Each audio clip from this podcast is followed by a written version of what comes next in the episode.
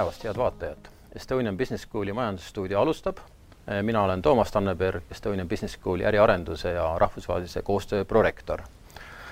tänases saates keskendume innovatsioonile. miks innovatsioonile, sest äh, tänane kriis, kriisijärgne olukord on loonud tegelikult olukorra, kus meil on kõigil tulnud nii-öelda viia läbi väiksed muutused ja luua kas siis uusi digilahendusi, muuta ärimudeleid ja noh, eks tekib kohe küsimus, et kas kriisiaeg ja kriisijärgselt loodud lahendused on jätkusuutlikud, kuidas neid luua ja kuidas see tegelikult mõjutab ettevõtteid ja majandust tervikuna. nii et äh, tänases äh, sobilikuks teemaks on meil saates kaks külalist, Estonian Business Schooli kantsler Mart Habakukk ja 3D avatare tootva Wolf 3D asutaja, tegevjuht Timmu Tõke nii et tere tulemast saatesse. ja kõigil küs-, kõigile vaatajatele siinkohal ka meeldetuletuseks, et teil on võimalus esitada küsimusi, lisada kommentaare saatekülalistele ja selleks on teil Estonian Business Schooli Facebooki ja Delfi ärilehe eh, kommentaariumites, kus siis ülekanne toimub, neid võimalik teha. nii, aga tere tulemast saatekülalised ja ma teeks väikse niisuguse avalöögi sellega, et nagu öeldakse, et noh, iga kriis on, äh, võiks olla selline väga hea kogemus millegi uue loomiseks. ja võib-olla esimese küsimusena kiire ring, et enne kui me vaatame nagu suurt teemat, arutame selles, kogu selle pildi nagu lahti, et mis see innovatsioon selles kriisiolukorras on ja mis see positiivsus, mis see tegelikult võiks ka kaasa tuua, siis võib-olla esimene küsimus ongi see, et äh, aga mis on nagu teie ettevõtete baasilt selline väga positiivne kogemus, mida see nii-öelda see tänane olukord on nagu õpetanud, andnud, mida siis tegelikult teistele ettevõtetele jagada ja ma alustaks siinkohal Timmust. Äh, Timmu on siis meil nii-öelda iduettevõtja asutaja, tegevjuht ja kõik me tavaliselt eeldame, et iduettevõtja on selline agiilne, kiire kohaneja, et, et noh, kuidas siis Wolf 3D on nagu täna suutnud kohaneda ja mis on selline uuendus, mis te olete suutnud luua mm? -hmm. Uh, jah, äh, Wolf 3D tegeleb 3D avataride siis loomisega mängude virtuaalmaailmade jaoks ja sellega seoses, et inimesed on olnud äh, kodudes äh, lukus äh, kuid järjest, mängutööstusel on, on väga hea kvartal olnud ja samuti ka ettevõtted suhtlevad virtuaalselt Zoomis, samamoodi VR-is, mis on meie turg. ehk siis meie jaoks tegelikult see, see nagu praegune olukord on olnud pigem, mitte pigem, vaid vägagi nagu taganttuul, et, et me oleme lihtsalt pidanud kohanema sellele suurendatud nõudmisele turult. Ja me tuleme ka uue tootega hetkel turule. Ehk siis pigem ongi sellega nagu, sellega, sellega kaasa minna aru saada, et mis sellest nagu ütleme, sellest uuest tekkinud turust, turust, mis on see kommunikatsiooniturg, mis sellest nagu jääb ja mis, mille peale ma peaksin keskenduma. aga, aga üldiselt nagu 3D avataride vajalikkus maailmas seoses äh, selle kriisiga, lockdowniga äh, kindlasti suurenes maailmas. Ja, ja see on nagu, see on selge ja me näeme seda enda, endaga, enda ütleme, inbound äh, huvi vastu, huvi koha, jah põhjal. mängutööstus ja ma vaatasin ka, et on, lööb rekordeid, on ju, ja noh, see on kindlasti nagu nõudlus on tekkinud tänu sellele, et tegelikult tekkinud nii-öelda kodus viibimised rohkem aega, aga vaatame nüüd seda teist poolt sektorit nagu traditsionaalne nagu haridus. et Mart on meil täna ka ütleme, et vaadata avalikku nagu meediaruumi selline ütleme, kuidas ma ütlen, haridussektori väga traditsionaalse sektori nagu ajalooliselt, on pigem selline haridusuuendaja, et kuidas siis nii-öelda see kriis EBS-i tegevusi on täna nii-öelda mõjutanud positiivses mõttes? Tere minu poolt ka, et ähm, kui nagu ühte lausesse üritada panna, siis äh, kriisi kõige positiivsem mõju on olnud see, et need äh, ütleme, sai korraliku kiirendi, need, kes soovisid ja kes ei soovinud, ehk, ehk äh, niisuguse poole aasta sees toimub sündmusi, mis, mis sellised ilma kriisita oleks kindlasti võtnud aega vähemalt kolm aastat, kui mitte viis. ja, ja see on, ma ütleks, mitte ainult haridusmaastikul, vaid et,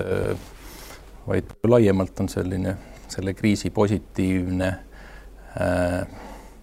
sündmus ja niisugune terade eraldumine sõka, sõkaldest, ma räägin ka ainult nendele tööstusharudele, kes siis ei ole nagu noh, seotud nii-öelda turismi, lennunduse ja asjadega, mis olid lihtsalt noh, ütleme, et väga tublid ja, ja väga head ja tugevad ettevõtted sattusid olema valel ajas vales kohas, aga ütleme, paljud teised sektorid, kes siis ei saanud otseselt sellest nii-öelda kriisist mõjutada ja said nagu kaudsemalt, siis seal, seal on nagu selgelt, ma arvan, järgmise kuue kuu, kaheteist kuu jooksul eralduvad ettevõtted ja kiiremad kohanejad saavad, saavad äh, uusi võimalusi, mida ilma kriisita poleks olnud. ja aeglasemad kohalejad saavad siis teha oma organisatsioonisiseseid muudatusi mõneti kiiremini, kui ilma kriisita oleks olnud võimalik. jah, et, sa tõid väga hästi välja, et ega eks, eks innovatsiooni kõrval, kui me räägime innovatsiooni loomisest, noh, kindlasti osad sektorid täna said, ütleme jah, kui sul nagu puudu füüsiliselt inimeste nagu kättesaadavust teenindada, noh, ütleme see klient, noh, sul pole nagu klienti noh, võimalik tuua nagu teda teenindada, eks see probleem on olemas, on ju, aga jah, et et kui ma vaatan ka Eesti kohanejaid võib-olla mõne näitena ka, et kas või ütleme, et selline tööstusettevõte, noh, ehitusvahud Krimelte on ju, et noh, kui kiiresti reageeris, et täna kasuta oma tugevuse, mis tal on olemas, see toode, on küsimus, sa kasutad olemasolevat pakendit uute nagu lahenduste nagu loomiseks, on ju, et, et noh, väike muutus, aga jällegi selline kiire kohaneja tööstusettevõtte näide, mis on iseenesest hästi positiivne. noh, ja teine on ikkagi, ma toon siia sellise startup maailma kõrvale ka Bolti näite, mis ma ka eelmises saates korra mainisin, jällegi, et et võime kohaneda olemasolevaid nii-öelda tugevusi ära kasutada. et see on jällegi see küsimus ja mis tegelikult näitab nende ärimudeli tugevust ja noh, lisaks kaasata investeeringut. nii et, et selline, ma arvan, julgustus ikkagi oma parimaid tugevusi ära kasutama. aga Martin, võib-olla väga hea termini nagu siia sisse, mis me oleme ka siin saates välja öelnud, et äh, kriis kui innovatsiooni kiirendi, et äh, me hetkel ei räägi sellest nagu ellujäämisest, aga kui, mis me selle kiirendil all, all nagu mõtleme, et, et noh, kuidas see nagu saab kiirendada, et äh, võib-olla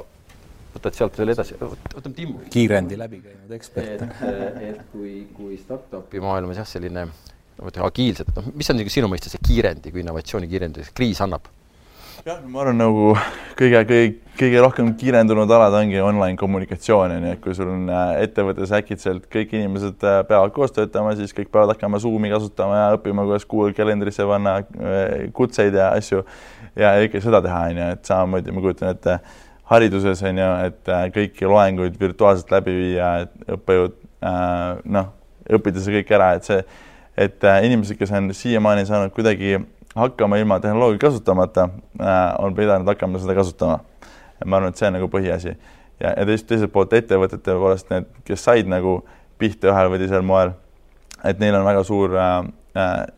initsiatiiv hetkel olla rohkem noh, olla efektiivsem, on ju, tootmises, tea, asendada inimesi robotitega äh, ja automatiseerida asju, võtta kasutusele lihtsalt nagu efektiivsemad töömeetodid läbi tehnoloogia,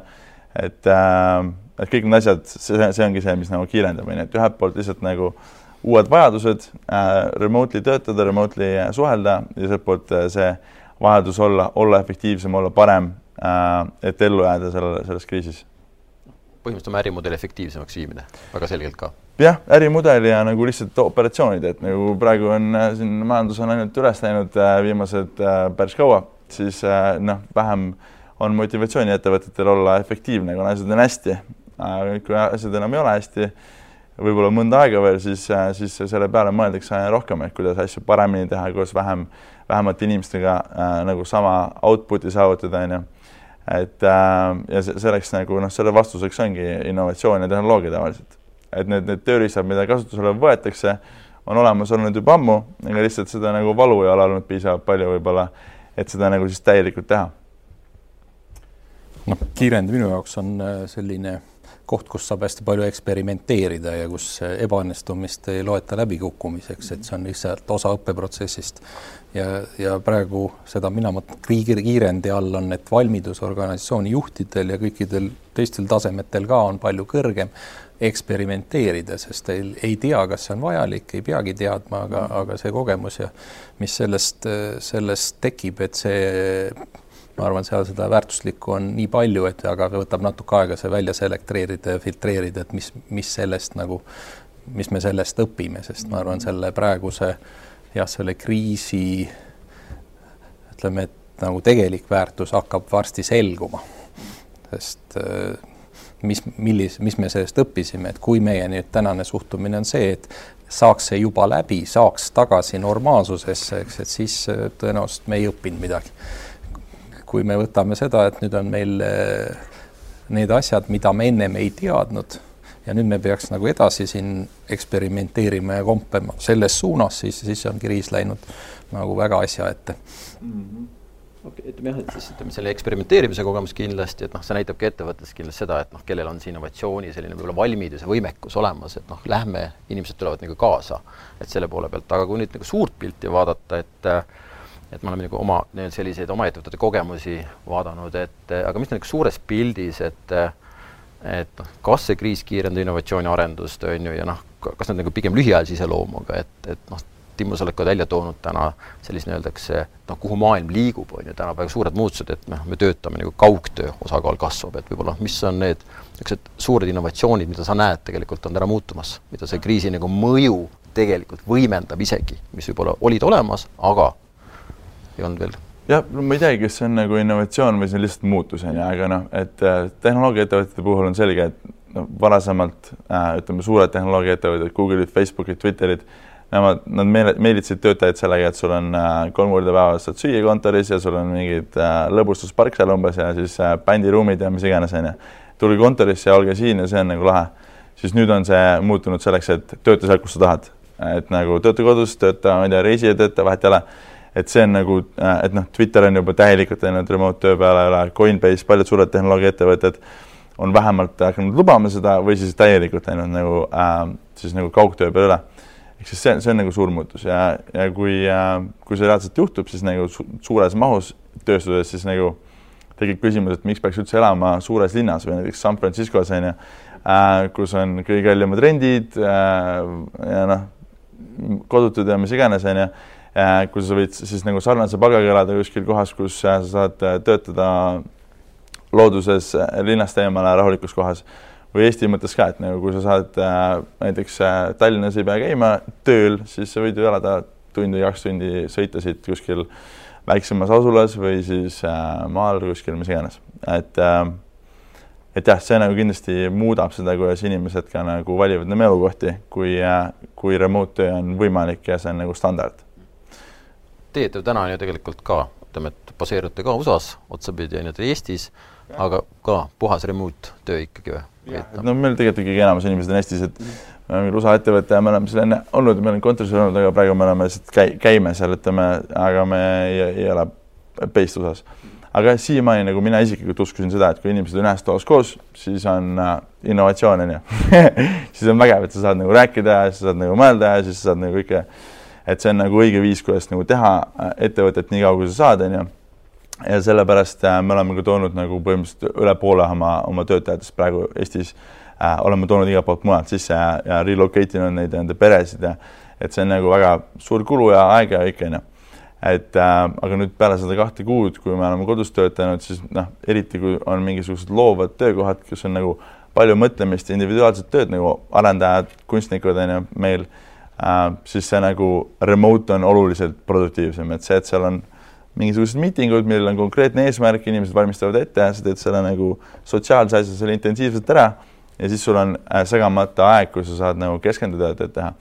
aga noh, minu ikkagi kogemus on suhteliselt väikestest ettevõttest, kus on enamus inimesed on, on nagu äh, arendajad või kunstnikud on ju, või, või noh, mingid niisugused individuaalsed tegijad, et ma, et kui see nagu suur, suures plaanis, suuremas ettevõttes on see kindlasti keerulisem. No ma siin nagu oponeeriks, et ma arvan, et see,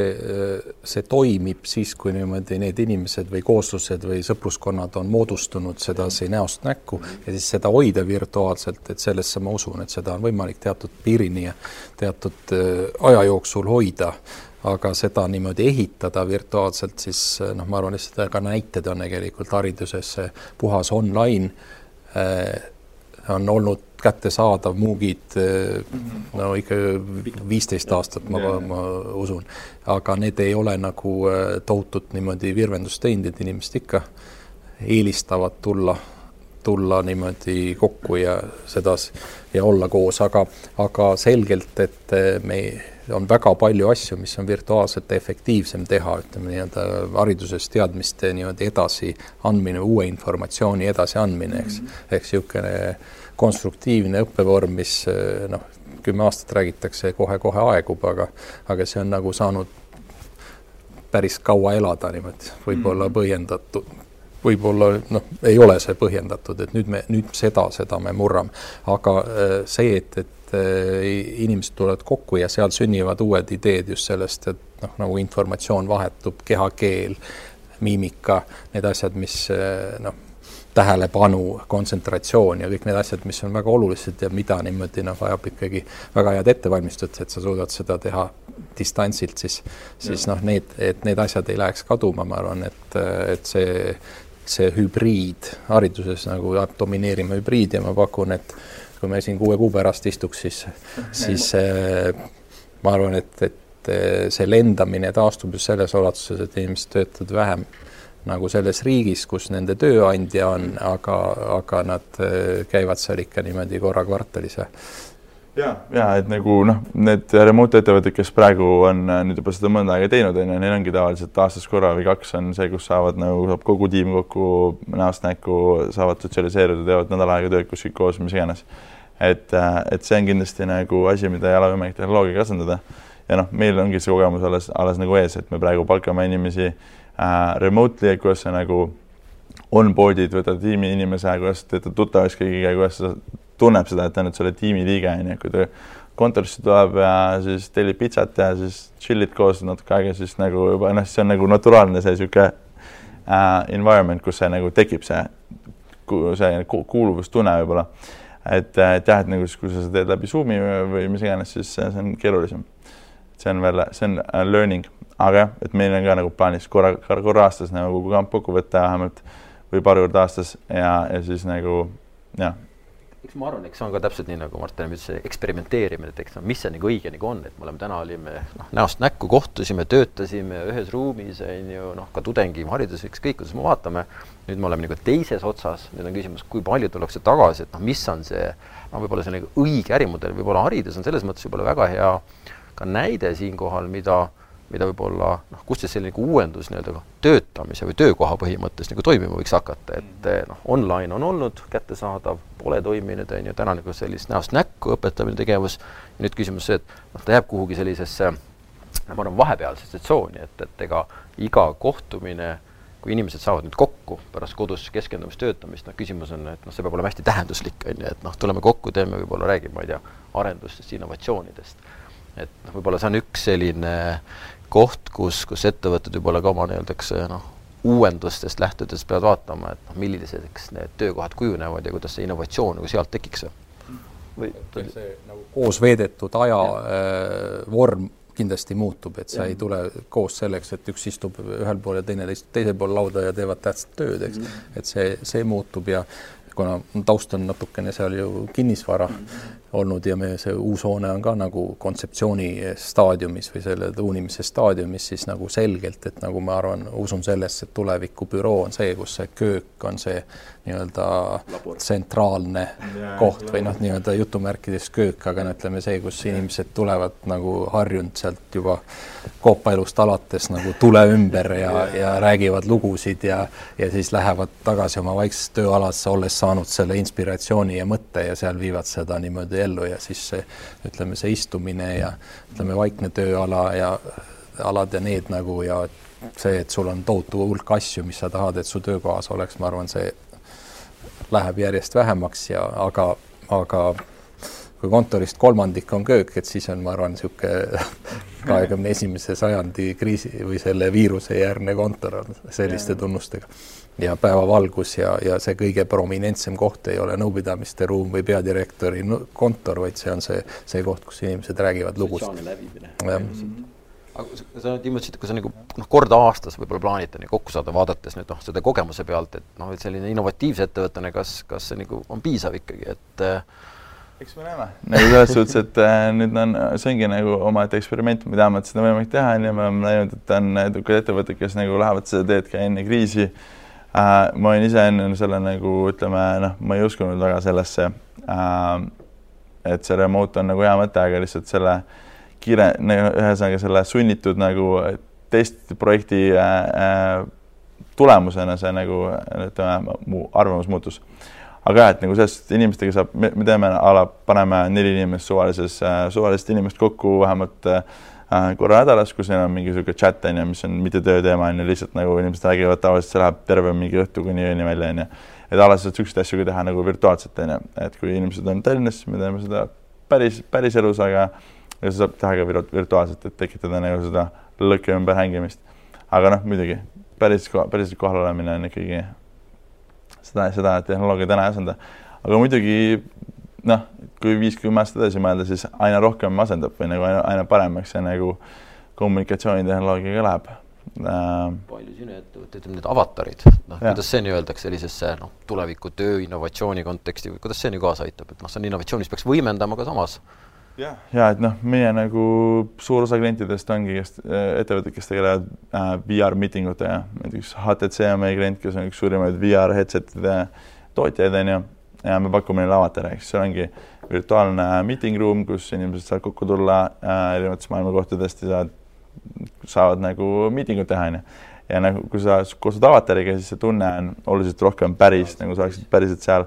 äh,, kui sa oled VR-is onju versus see, et sa oled lihtsalt nagu ekraani peal Zoom'is. et sellepärast ongi, paljud ettevõtted võtavad VR-i kasutusele, aga noh, see tehnoloogia sealt, et oleks veel nagu kõik miimika ja kõik see ka seal nagu sees äh,, noh, see on ikka viis kuni kümme aastat eemal, kaugel. haridusavatarid hakkavad õpetama või istuma klassis? noh, mitte ainult avatarid, aga ka ütleme, niisugune robotõppejõud ja, ja need on need, et jälgin huviga, eksperimendid käivad ja minu meelest Georgia Tech on, et sealt lähedalt, kus ma ise oma magistri sain, et nendel on nagu äh, ülikooli tasemel äh, eksperimenteerivad ja juba täitsa positiivsete tulemustega ja ma arvan, et äh,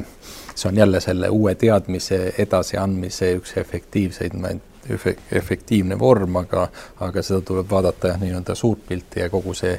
mida sa õpid, eks, et äh, üks osa sellest on teadmised, teised on, et et rida nende teadmiste rakendamine, mida on nagu virtuaalselt niisugune jälle keeruline demonstreerida ja ja noh, palju niisuguseid sotsiaalseid ja, ja koostööoskusi, mis tegelikult noh, ülikoolis kohal olles äh, arenevad vähemalt kiiremini kui, kui äh, sedasi omas kodus istudes. aga aga see ongi, et, et äh, hästi positiivne jälle, et, et sa ei pea kõiki eksperimente ja vigu ise läbi tegema, et, et maailm on nii avatud, et, et,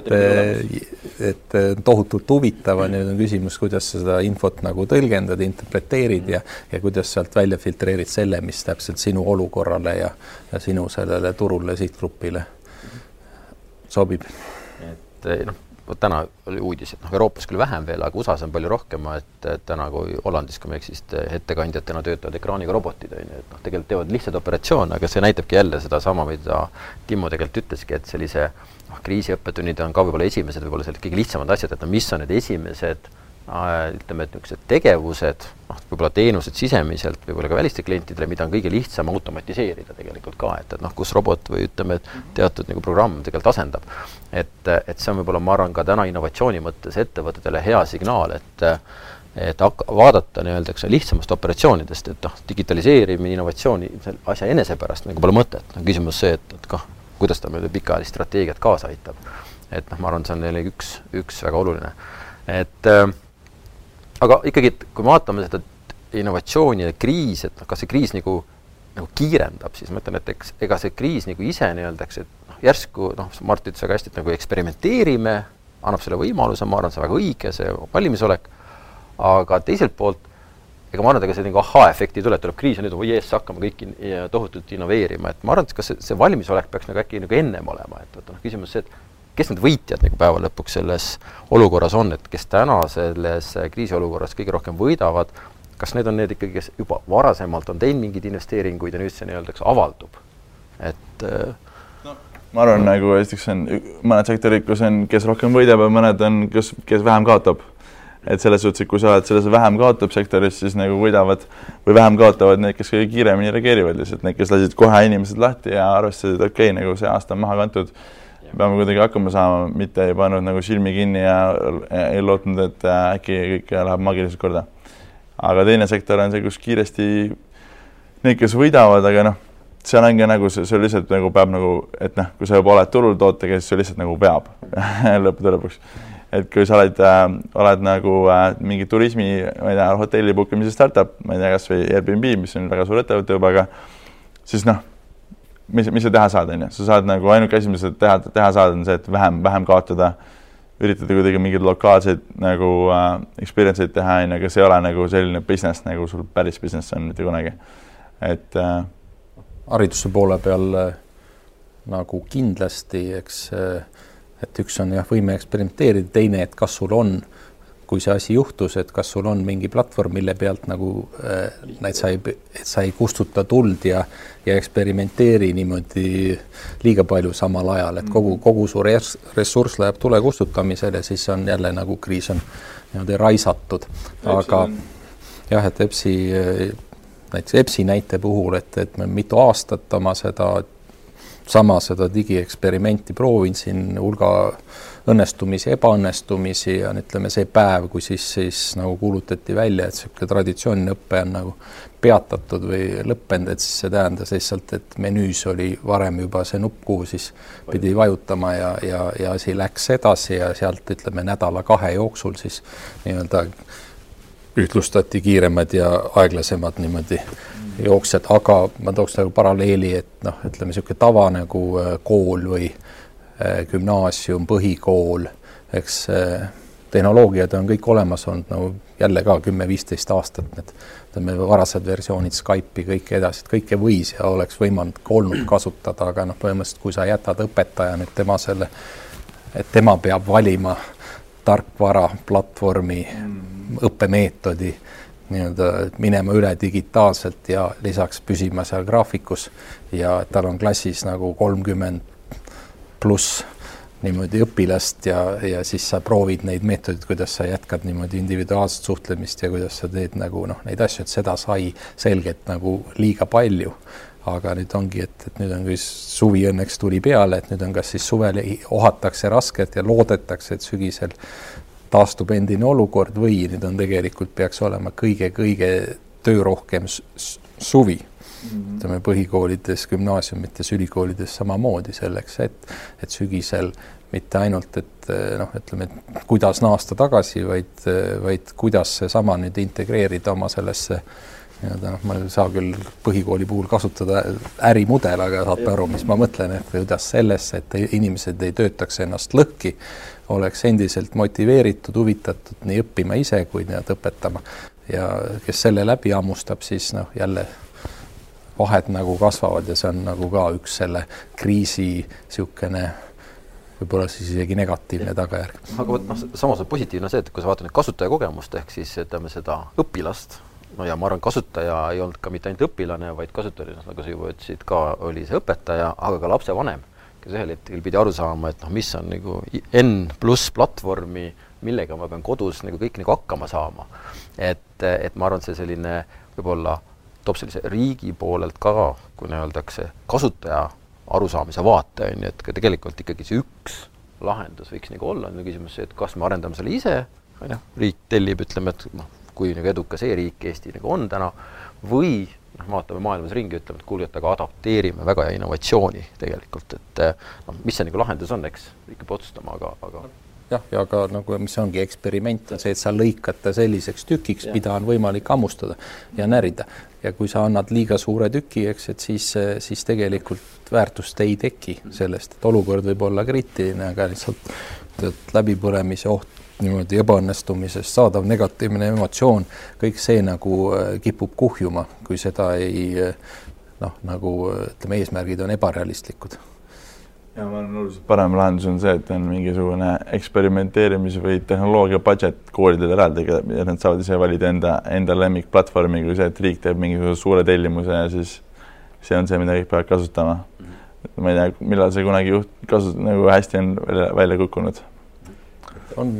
toodi välja, et ma seal ka nagu argumenteerisin vastupidist, et, et laseks nagu õppejõud või õpetajad eksperimenteerima teatud nii-öelda vundamendile, mis tagab selle, et ühe poolt õpitud positiivne kogemus on jagatav. et see, millel nagu möllatakse, et see oleks nagu tead ühtne, aga et see ei, see ei piira sind tohutult. Ja Eestis on olnud väidetavalt, ma ise ei ole kursis, eksperiment mingi aastal kaks tuhat neli suurusjärgus, ma kujutan ette, et, et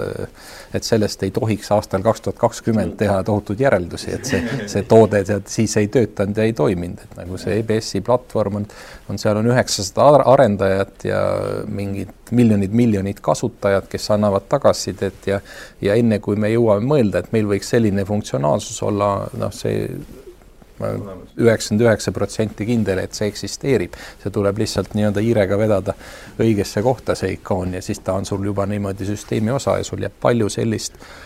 noh, ebamõistlikku ajakulu inimeste poolt, kes võiksid panustada hoopis teises valdkonnas, nad peavad tegelema asjadega, mis neid ei tead, motiveeri, ei pane neid tead särama, nad ei taha nendega tegeleda, aga nad ei saa edasi oma selle põhitegevusse minna, kui sul see on tegemata ja noh, just see, et kui iga kool hakkab valima endale platvormi või iga, ma ei tea, piirkond või või mingi muu ühik, et siis, siis noh, et me lihtsalt see töömaht kordistub iga selle. killustame ära uuesti. pluss haldus, pluss väljaõpe ja et nagu, et, et minna, hüpata liikuvale rongile, mis on õiges suunas, eks, et see on trikk ja, ja tänapäeval hüpata ühelt rongilt teisele, see ei ole nagu jälle niisugune viisteist aastat tagasi oli, sa pidid hakkama nullist, nüüd sa lihtsalt nii-öelda lahkud ja lähed paremale. Yeah.. ja, ja siis see, see ümberõppe komponent on seal võib-olla juba ainult mingi kümme, kakskümmend protsenti. ja igal, igatahes võiks platvorm olla mingisugune era, eraettevõte, kellel on üheksasada töötajat ja kes areneb nagu igal pool maal, mujal maailmas edasi, mitte nagu mingi riigi tellitud äh, Central Eesti noh, sa küsimus, sul on see kasutajakogemus, on ju, ja ega, ega täna ongi väga selge andmetepõhine, ütleme, see arendustegevus, kui sa saad pideva tagasiside pealt, sa tegelikult juba ennatad, ennetad teatud nii-öelda tegevusi ja nii-öelda noh, muudatusvajadusi. et, et see on nagu see pool. ma toon korra sisse ühe väikse vahepalana siia, et jällegi, et niisugused traditsionaalsed ettevõtted ja sellised uuem, uue majanduse ettevõtted ja Peter Demandis, kes on siis Singularity üks sellise niisuguse organisatsiooni network'i nagu are-, aru, nii-öelda eks aluse pani ja, ja temaga kaasas on alati olnud see Google'i üks innovaatoreid, ja siis ta nüüd küsida oma network'is siin, ma arvan, et kolm-neli tagasi, et, et järgmise kuue aasta jooksul, et kes on need teenusepakkujad, noh, USA-s nimetatakse seda niisugune in-home eh, nii-öelda tervisetood-, tervise nii-öelda teenustena et, et noh, kes nagu, nagu perearstid, kes siis ka nii-öelda aitavad nõustada ja seal oli siis valikud, oli, oli Äh, Apple, Google, siis oli äh, startup, keda täna veel ei teata, ei ole olemas, siis oli traditsionaalne, traditsionaalne ettevõte, kes täna tegutseb, ja valitsus. mis te arvate, mis nagu tulemused olid? et kes siis kuue aasta pärast äh, In-home uh, medical ja, stuff? no mingi uus ettevõte. keda täna ei ole? jah, et põhimõtteliselt see oli nagu veerand, on ju, kui sõeluti välja siis top kolm, et eh, see, see, keda täna ei eksisteeri, Apple ja Google, siis põhimõtteliselt sellises nagu kolme, kolme, kolmesena finaalis ikkagi väga selgelt näitas ära, et see innovatsioonivõimekus sellistel uutel, uutel sellistel majandusettevõtetel on olemas ja see sama ettevõtted, keda täna ei ole, tuleb ja tegelikult ütleme niimoodi, et eh, kuidas me ütleme siis äh, segab seda traditsionaalset turgu nii palju nagu vahele, et, et see on kindlasti üks selline huvitav nagu järeldus, et see ei ole mitte ainult niimoodi äh, kodumeditsiinis, kodumeditsiinis, vaid, vaid äh, kui nagu haridusse tõmmata paralleele, siis nagu mitmed mõisted, näiteks nagu tead, magistritasemel üliõpilane ja mm. et, et mis asi nüüd, see, mida nii-öelda riiklikult nagu soodustatakse, toetatakse, makstakse kinni, eks, et mm -hmm. et kust tuleb see teadmine, et seda tuleks teha niimoodi inimestele, kes esimest korda õpivad nagu kaks aastat. Ja siis sellest kauaks selleks jätkub, eks, et vanasti võib-olla jätkus sellest nagu jah, niimoodi kogu eluks, aga et ütleme, et kus see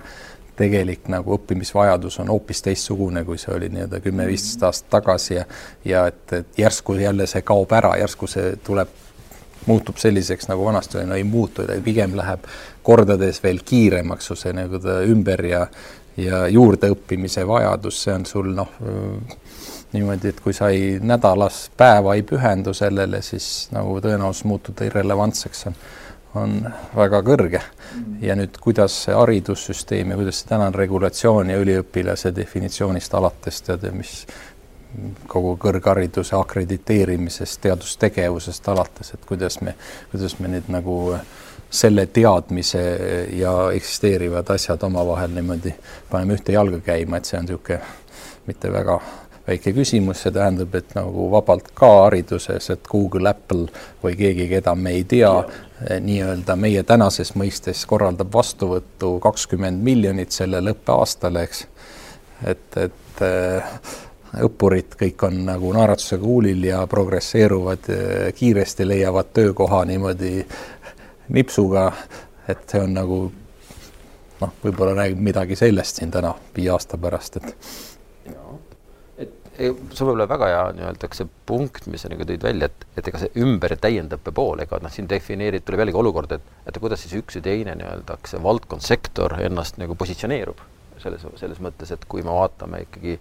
et noh, millest see vajadus nagu Eestis nagu tekib, on jällegi, et ega kuskil on vajadus, me ütleme, et ega meie teadmine, et viia sellist digitaalset nagu innovatsiooni, üldse ärimudelit innovatsiooni läbi, siis väga-väga nii-öelda oluline on luua selline võimekus, et noh, digitaalne ja andmete selline kirjaoskuse tase ühelt poolt, on ju, noh ja teiselt poolt on see, et et, et noh, seesama, kuidas nagu tehnoloogiat on ju kasutamised, asjad, on ju, et see näitab, et noh, ülikooli roll ka siin kindlasti, et ja, ja me täna öeldakse, et viiskümmend protsenti, kümne aasta pärast viiskümmend protsenti töökohtadest on muutunud oma iseloomu. noh, mis tähendab seda, et noh, selline ümberõpe, noh, isegi mitte täiendõpe, vaid noh, ümberõppe roll kasvab, on ju, et noh, kas see eeldab siis ikkagi, et et äh, selline innovatsioon, noh, kuidas me siis nii-öelda õpime uusi asju juurde või noh, ülikooli maastikul. noh, jah, et see, et sa võid töötada viies täiesti erinevas valdkonnas, seda ei pea keegi ebanormaalseks, see on nagu ja iga vahepeal sa laadid patareisid ja ja omandad niimoodi baasteadmised, et siis jätkata juba selle kõrvalt, mida sa teed igapäevaselt, siis omama juba spetsialisti teadmised. et, et et kõlab kuidagi loogilisemalt kui see, et ma võtan kaks aastat nii-öelda aja maha, lähen kooli, õpin kaks aastat ja siis lähen äh, vaatan, et äh, järsku keegi vajab minu ülikoolis omandatud era, eriala, et see nagu ütleme, niisugune startup'i eksperimenteerimisloogika läheb teravast vastuollu, et sa peaks tegelikult kogu aeg nagu kontrollima, valideerima oma seda hüpoteesi, et, et seda on vaja kellelegi ja, ja selgelt ma pakuks, et siin kümne aasta pärast ikkagi neid töökohti äh, nagu ikkagi väga suurt osa ei eksisteeri, mille jaoks nagu kõrgharidus praegu valmistab ette spetsialistid. jah, sellepärast ongi nagu mingi laia, laialdasema baasiga nagu baas ja oskus õppida on nagu äh, kõige parem äh, skill, mida saad omandada endale, kui sa kui sa just ei ole nagu spetsialist nagu mingi arendaja või mis iganes, on ju, et äh, arendajad peavad ka ennast täiesti ümber õppima iga, iga paari, paari aasta tagant nagu selles suhtes, et neil on see baas, aga, aga selles tööstuses on see nagu tavaline kogu aeg, et teema juurde innovatsioonivõimekus põhimõtteliselt, et noh, mis on see võime nagu innoveerida, on ju, ehk tegelikult valmistada ette siis ütleme ettevõtteid, noh, ettevõttel esiteks no loomulikult peab olema visioon, et noh, kus me nagu liigume, noh, kahjuks täna kui me vaatame Eesti nii-öelda tööstussektorit, siis äh, noh, pooltel vist pole isegi strateegiat, et noh, mis on nagu väga selge nägemus, et noh, see kindlasti paneb nagu ka omaette jälje jätab. aga teine pool on see ressurss, et noh, needsamad inimesed tegelikult, et noh, kui lihtne ühelt poolt, noh, kuidas me nagu leiame, loome, noh, võtame äh, täna sinu ütleme, et 3D avatari poolt on ju, siis noh, seal innovatsioon on nagu number üks on ju noh, pidev arendus, uue väärtuse loomine, et noh, kuidas siis ütleme noh, teie ettevõttes see võimalus, ütleme täna noh, leida neid inimesi või seda innovatsioonivõimekust nagu hoida on, et selles suhtes, et me, see on meie identiteet, on ju, me ei mõtle selle peale, et oh, nüüd me teeme innovatsiooni mm., see ongi kõik, mis me teeme, ongi nagu selles suhtes uus toode ja kõik see nagu, et kõik inimesed, kes need, kus me leiame neid äh, ja nagu tehnoloogia ongi nagu innovatsiooni ümber käib, on ju, et selles suhtes, et see nagu jah, et see nagu sõna või see nagu mõte isegi nagu ei ole nagu noh, me nagu ei mõtle selle peale, see lihtsalt ongi see lihtsalt käib nii, sa ehitad uusi asju kogu aeg ja sa mõtled, kuidas saaks nagu muuta mingit süsteemi. aga noh, kus neid inimesi leida nagu selles suhtes, need, need inimesed on olemas nagu kõikides teistes tehnoloogiaettevõtetes kes mõtlevad samamoodi. ja nagu kuidas seda võimekust tekitada selles suhtes, et noh, kui sa üks hetk enam tööd ei saa, sest sa ei ole piisavalt palju juurde õppinud, siis sa tekitad endale innovatsiooni, innovatsioonivõimekuse ise ja hakkad juurde õppima, on ju, et niikaua kui äh, et tead, see nagu valu tekib inimesel äh, väga selgelt endale indiviidi, indiviidi tase, tasemel juurde õppida ähm,. jah. siin tekib täpselt sama konsept, et inimene ise peab täna hakkama vastutama selle eest, et hoida ennast vormis põhimõtteliselt kogu aeg, pidevas vormis. see on üks nendest, mis on juba jah, see artiklit lugesin, et, et, et ütleme niisugune minu põlvkonna inimene arvab, et see on nagu tööandja nagu ülesanne ja, ja aga et seal võtame kakskümmend aastat maha, et keegi isegi ei saa aru, miks see peaks olema tööandja ülesanne. ei eksisteeri nagu kontseptsiooni üldse. tööandja nõue, tööandja nõue sult ei ole treeningsaalis käia, et sa pead nii-öelda, niisugune hea võrdlus, aga selle innovatsiooni juurde tagasi tulles, et kui sa jah, nagu vaatad lapsi, kes joonistavad, et noh, see innovatsioon on nagu meis nagu kõigis olemas ja see mingil hetkel nagu äh, rutiini või selle nii-öelda mugavustsooni rajamise, ehitamise, kindlustamisega nagu äh, lakkab ja nüüd ongi, kuidas sealt mugavustsoonist välja aidata ja, ja see viirus oli selles mõttes nagu nii-öelda suurepärane põhjus sellest niimoodi välja tulla ja vaadata nagu ennast natuke kõrvalt ja loodetavasti see oli tähenduslik kogus inimesi. ehk selliseid väikseid iteratsioone, viiruse iteratsioone võiks nagu tekkida rutem, sagedamini ütleks selles mõttes, et aitab, noh, ütleme, et nagu mõistlikule, mõistliku mõjuga või? Siis on nagu kõik teavad, et see lõpeb ära, saab tagasi minna mugavustsooni.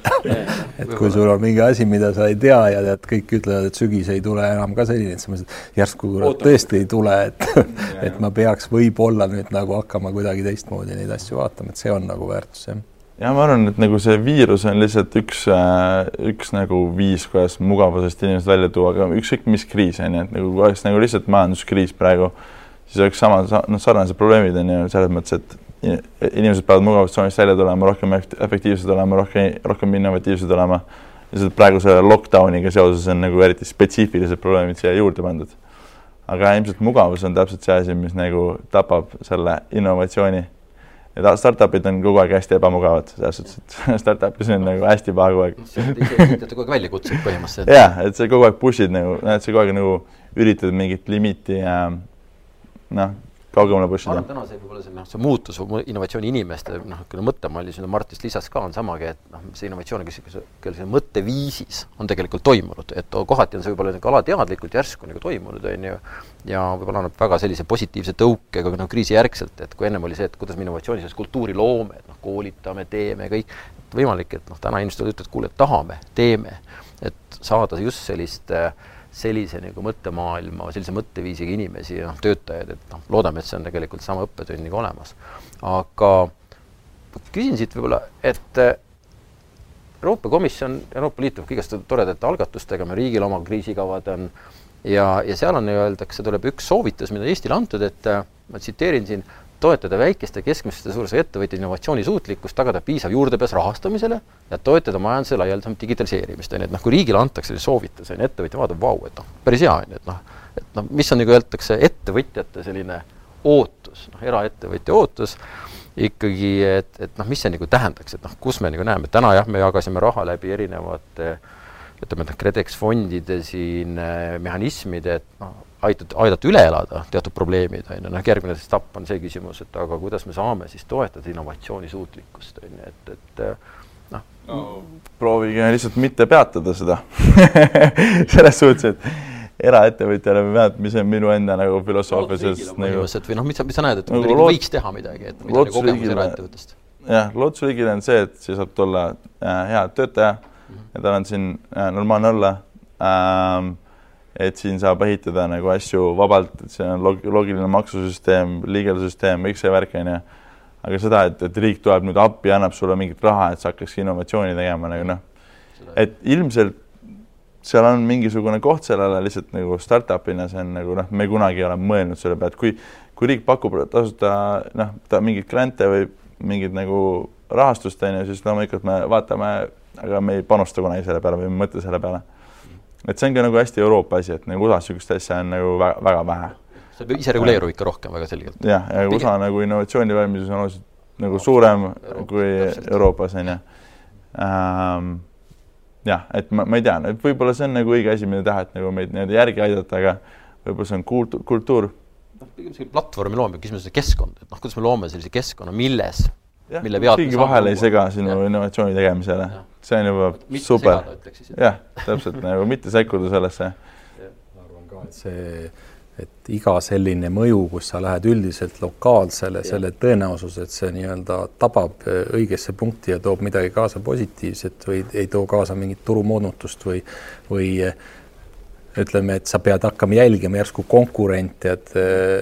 sai mingi granti, eks, ja nüüd sa oled temast halvemas olukorras ja, ja selle tõttu pead ennast kinni panema, sellepärast et keegi sai seal ebaõige niimoodi turueelis, et noh, see, see tegelikult äh, võtab ära fookuse tähelepanu ja ma ütlen, et kui seda kõike, mis sa seal ette lugesid, nii-öelda toetada, siis tõesti, et selleks, et peab eksisteerima see taristu ja keskkond ja need on hästi suured mahukad investeeringud, mida siis nagu kõik ettevõtjad, väiksed ja suured, siis saavad nagu võrdselt nautida ja keegi ei saa kellegist nii-öelda edu või ebaedu selle tõttu ja noh, ma arvan, et siin mingi paar päeva tagasi sattus artikkel kätte, kuidas mingi tohutu valguskaabli võrgustik on ehitatud, mis nüüd muutus väga oluliseks, eks siin tänu viirusele, aga seal viimane, viimased sada meetrit on puudu, eks. et igale, igale poole, sealhulgas ka minu maa, maa kohal on viimased sada meetrit puudu ja juba kolm aastat on viimased sada meetrit puudu ja puudub ka võimalus seda kuidagi kuidagi või seal Käsmus olid härrasmehed vist kaheksakümne tuhande eest oli neil võimalus see viimased sada meetrit ise rajada. et kui need sellised niimoodi äh, nagu nonsenssid, kus suur investeering ei ole rakendatav, kasutatav sellepärast, et seal on viimased sada meetrit puudu, et nagu kui, kui need probleemid ära laheneks, see oleks ainult aplausi väärt, aga ütleme niisugune, et äh, mingi nii-öelda regulatsiooni viimine tasemele, kus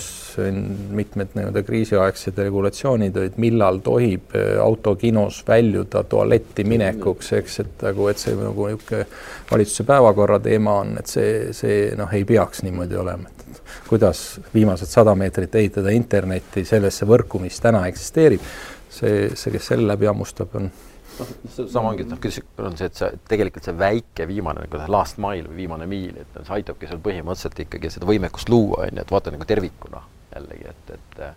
et me küll alustame, aga jah, me ei vii seda nii-öelda lõpuni. mis probleemi me lahendame, loome mõnusa keskkonna, kus on noh, mitte ainult, eks, nii-öelda töösse puutub, vaid ka see, mis käib töö ümber, eks, et siin on ju äh, see on see Eesti, Eesti ettevõte, kes nende linnade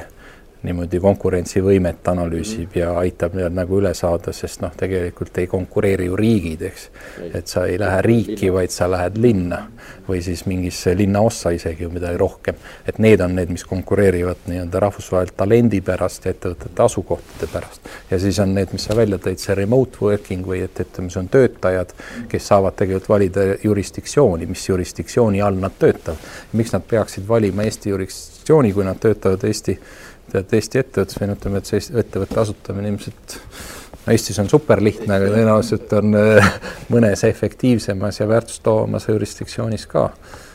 et tekib palju uusi teemasid, mille peale noh, tegelikult meie regulatsioon ei ole valmis, et ma arvan, Bolt on siin õppinud seda äh, võiks kirjutada raamatu sellest, aga nüüd see nii-öelda avanev rahvusvaheline tööjõuturg inimestele noh, regulatsioon on nagu, et kõik peaksid, töötajad asuvad siis nii-öelda äh, selles riigis, kus siis on nende tööandja, et et kui see ei päde, et siis äh, mis me selle teadmisega peale hakkame, istume, loodame, et ei juhtu mingit jamat või katsume selle pöörata enda kasuks, et need oleksid mingi, neil oleks mingi motivatsioon maksta maksu. Võib-olla mitte seda, seda maksu, mis äh, kohapeal asub ja kohapealset pensioni ja tervishoiusüsteemi hüvesid tarbiv inimene, aga ikkagi olles niimoodi e-resident ja Eesti ettevõttes töötaja. ja, ja noh, ma arvan, Eesti puhul on ikkagi noh, rohkem tuleb neid inimesi, kes töötavad kuskil mujal ja tulevad siia elama lihtsalt, see on hea elukeskkond, tore koht, kus elada ja nagu suhteliselt madalad kulud võrreldes mingite suurte linnadega. et nagu need tulevad, elavad siin äh,, nad on Eesti maksuresidendid, maksavad siin makse, kulutavad siin oma raha et see on nagu, ma arvan, et see remote trend pigem on Eestile on nagu kasulik, aga jah, teine küsimus on, et Eesti ettevõtted, kes nagu oma, oma need äh, töötajad laiali saadavad, on ju, et kuidas me sellest nagu kasu saame? Aga see on jah, et Eestil ka riigina on praegu võimalus nii-öelda rahvusvahelisel areenil juba võimendada seda, mida noh, on siin pikka aega juba niimoodi kas teenitult või vähem teenitult on võimendatud mm. -hmm. ja kui see viimane sada meetrit seda head valguskaablit ka ära vedada, siis küsimus on see, et tööta millises imelises keskkonnas, on ju, et et, et noh, nagu kunagi Romano Prodi vist oli küsinud, kui sõideti siin äh, Tallinnast Tartusse Eesti kahe suure linna vahel ja siis ta oli küsinud poolel teel, et ega me ära ei ole eksinud, et tee on väga kitsas ja väike. siis öeldi, et ei, me sõidame suuruselt teise linna. et lihtsalt, lihtsalt puud ongi nii lähedal teele, et, et, et noh, küsimus, et selline noh, töökeskkond innovatsiooniks oleks, ma arvan, ideaalne. aga meil hakkab siin vaikselt saateaeg nagu lõpupoole tiksuma, aga ma võib-olla küsiks äh, sellise viimase nagu soovitustena, mõtetena vaadatuna, kuna, kuna nii-öelda see Timmu on, ütleme just nagu tehnoloogiaettevõttena ja ma arvan, ka haridus täna vaatab väga palju just sellise tehnoloogia poole peale ja tehnoloogia võimaldab, et mis on need võib-olla sellised Äh, ühelt poolt läbimurdelised ja olulised tehnoloogiad, mida te näete nii-öelda, kas need ettevõtjad või mida peaks, mille, millele peaks nagu silma peal hoidma, et mida, millest nagu aru saada ja mis võivad tegelikult mõjutada just meie nii-öelda sellist nagu ettevõtete arenguid, et äh, ma ei tea, alustame Timo sinust. jah, nagu selles suhtes, et nagu tehnoloogia ümber on hästi palju mingit niisugust nagu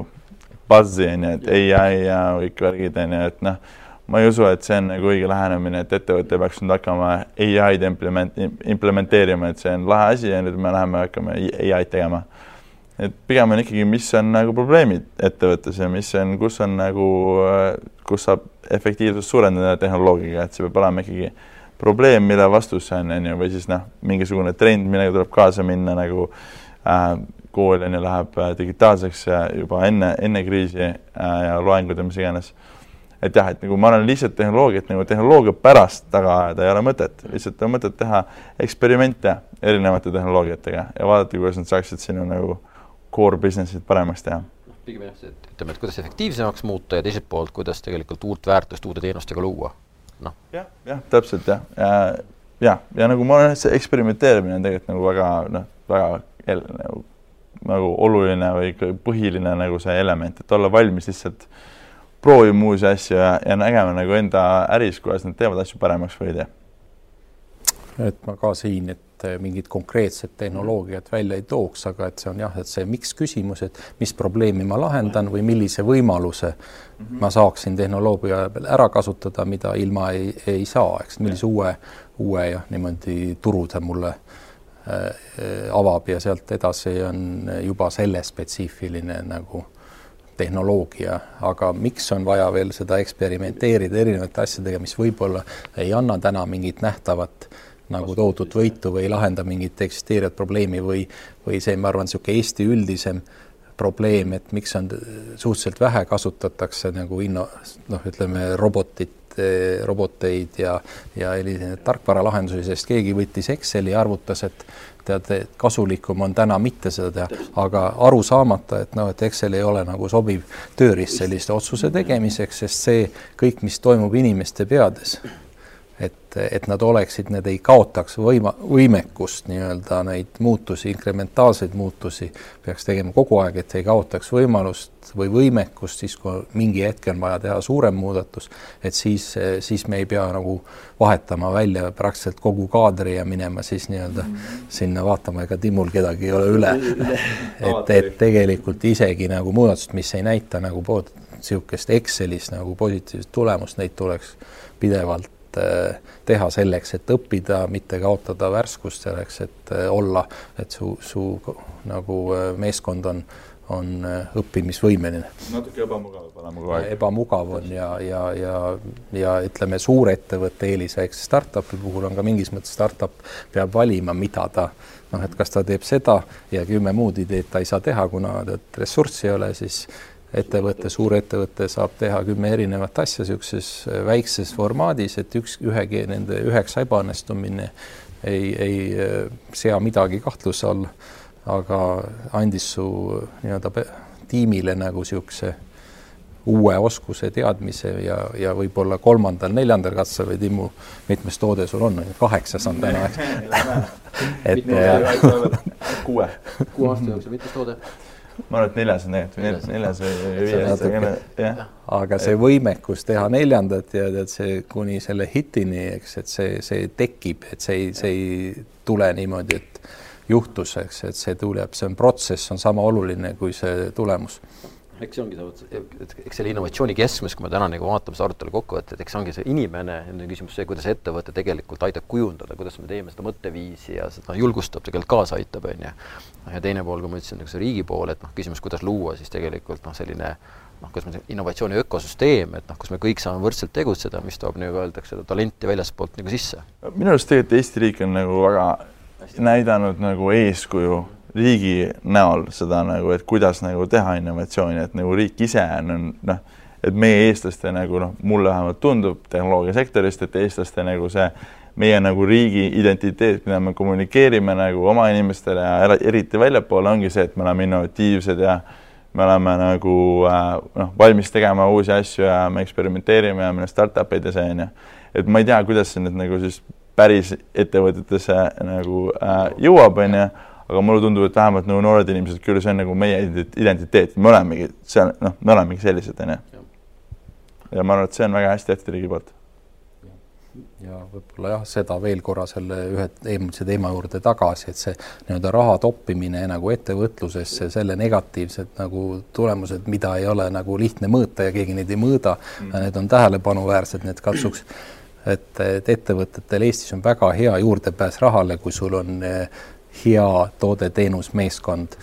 eh, ja turg, eks, et. see on, ma arvan, et see väga hea punkt, mis sa, Mart, praegu tõid, et kui me räägime väga hea ligipääs rahale, siis eh, see kriis erinevast, erinevalt eelnevast kriisist, siis sel kriisil täna tegelikult noh, maailmas kapitali on väga palju olemas, nüüd on küsimus see, et noh, kelle juurde see jõuab, noh, milline on see ettevõte, noh, Bolt täna väga hästi ka on demonstreerinud, noh, Timmu, ma tean, sa oled teinud siin viimaseid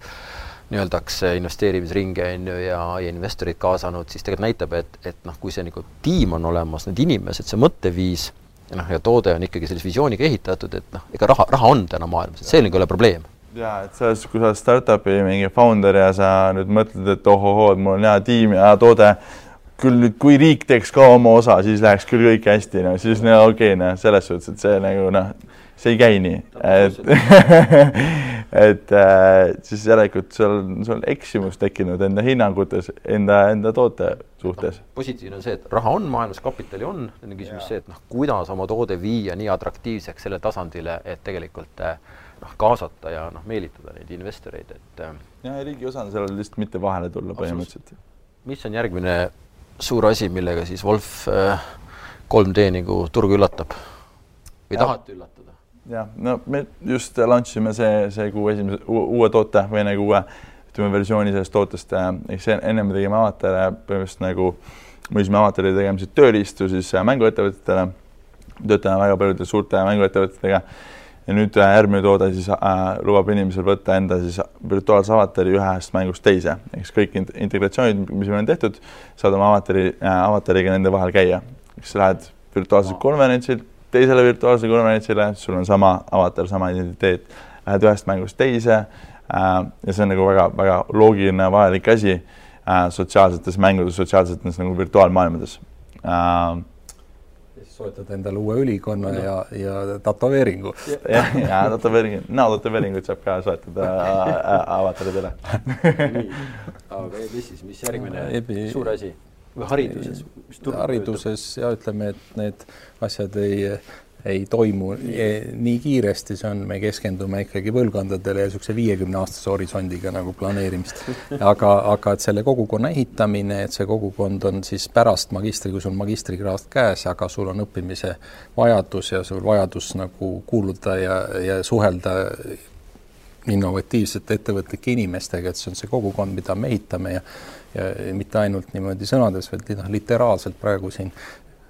kes tulite siit mööda, siin ehitus käib, et viiendal korrusel on siis startup Wiseguisidega ettevõtluse kiirendi kui kogukonna osa, et see on nagu üks sellest, et sa töötasid, nüüd sa mõtled, et nüüd ma tahaks võib-olla teha oma toodet-teenust ettevõtet et siis on jälle põhjust EBS-i tulla, ma tahaks natukene ümber juurde õppida, jälle on põhjust EBS-i tulla. et see on ökosüsteemi ehitamine ök. ökosüsteemi ehitamine, laiendamine ja tegelikult eksperimenteerimine selle, selle ütleme, need ökosüsteemi osalised saavad nagu loomulikuks osaks tegelikult protsessis, et noh, see, et ma ei pea kuhugi minema, vaid see ongi üks tegelikult see, see koht, kus sa ja. saad tulla ja sul on vaja mingit tööd teha või, või kellegi kokku saada, siis, siis on äh,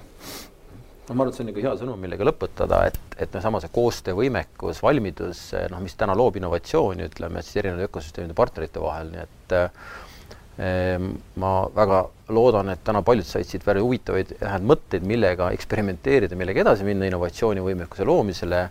Ja tänan saatekülalisi Timmu Tõket,